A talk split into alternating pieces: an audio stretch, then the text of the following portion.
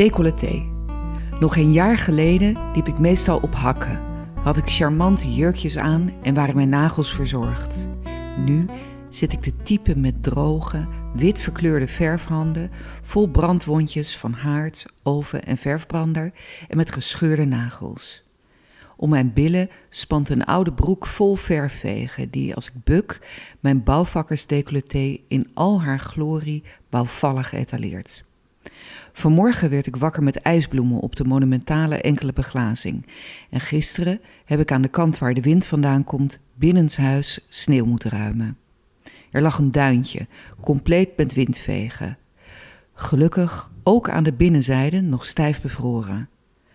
Om het verse schilderwerk te beschermen tegen langzaam smeltende sneeuw, lekkage dus eigenlijk, ben ik druk geweest met isolatieband, schildersteep en bubbeltjesplastic.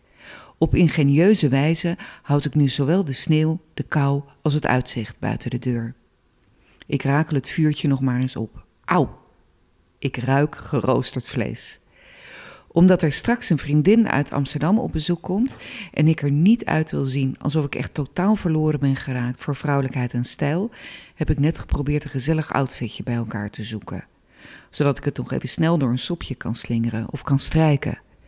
Een panty zonder ladder blijk ik helaas niet meer te hebben. Het moet een broek worden dus. De donkerblauwe broek met witte strepen aan de zijkant krijg ik niet dicht en de enige spijkerbroek zonder verf knelt zo vreselijk dat er overhangende zwemband zelfs onder een oversized wollen trui zichtbaar uitpuilt. De Abercrombie trainers van man lief dan maar. Corona en in eenzame afzondering klussen zijn niet goed voor de lijn. Ik word er even niet vrolijk van. Omdat de bel gaat, hijs ik me maar weer in mijn kluskleren en race ik de trap af. Ah, het is de sneeuwschuiver die ik bij bol.com heb besteld. Daar heb ik nou net zin in. De zon is eindelijk gaan schijnen en na twee dagen onophoudelijke sneeuwjacht heb ik zin om naar buiten te gaan.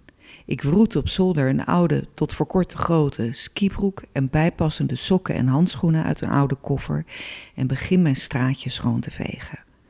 Omdat het hier allemaal wat groter is dan in Amsterdam, houd ik me even op de straat. En tot mijn schrik realiseer ik me ineens dat ik nog geen boodschappen heb gedaan en niets lekkers in huis heb. Shit. Ik schop mijn laarzen uit en op skisokken loop ik de keuken in. Ik gooi snel nog een blokje op de haard. Auw! En zet de oven alvast op 200 graden. Uit de voorraadkast trek ik amandelmeel, bloem, ingemaakte kersen en kijk eens, er is ook nog slagroom. En er zijn nog eitjes en boter van kaasboer Leon. Niet veel later schuif ik een geïmproviseerde clafoutie met frangipane de oven in. Ik sta net slagroom met vanille te kloppen als de bel gaat. Shit, nu al? Op skisokken glijd ik over de marmervloer door de gang naar de voordeur. Ik kan nog net de loeischerpe verfkrabber, die ik per ongeluk toch weer op de grond heb laten liggen, ontwijken. Gelukkig ben ik nooit gestopt met rode lippenstift en mascara. Stralend lachend doe ik mijn vriendin open en ergens in mijn hersentjes leg ik een knoop dat ik vooral niet moet bukken om de haarten op te poken voordat ik even mijn hemmetje in mijn broek heb gestopt.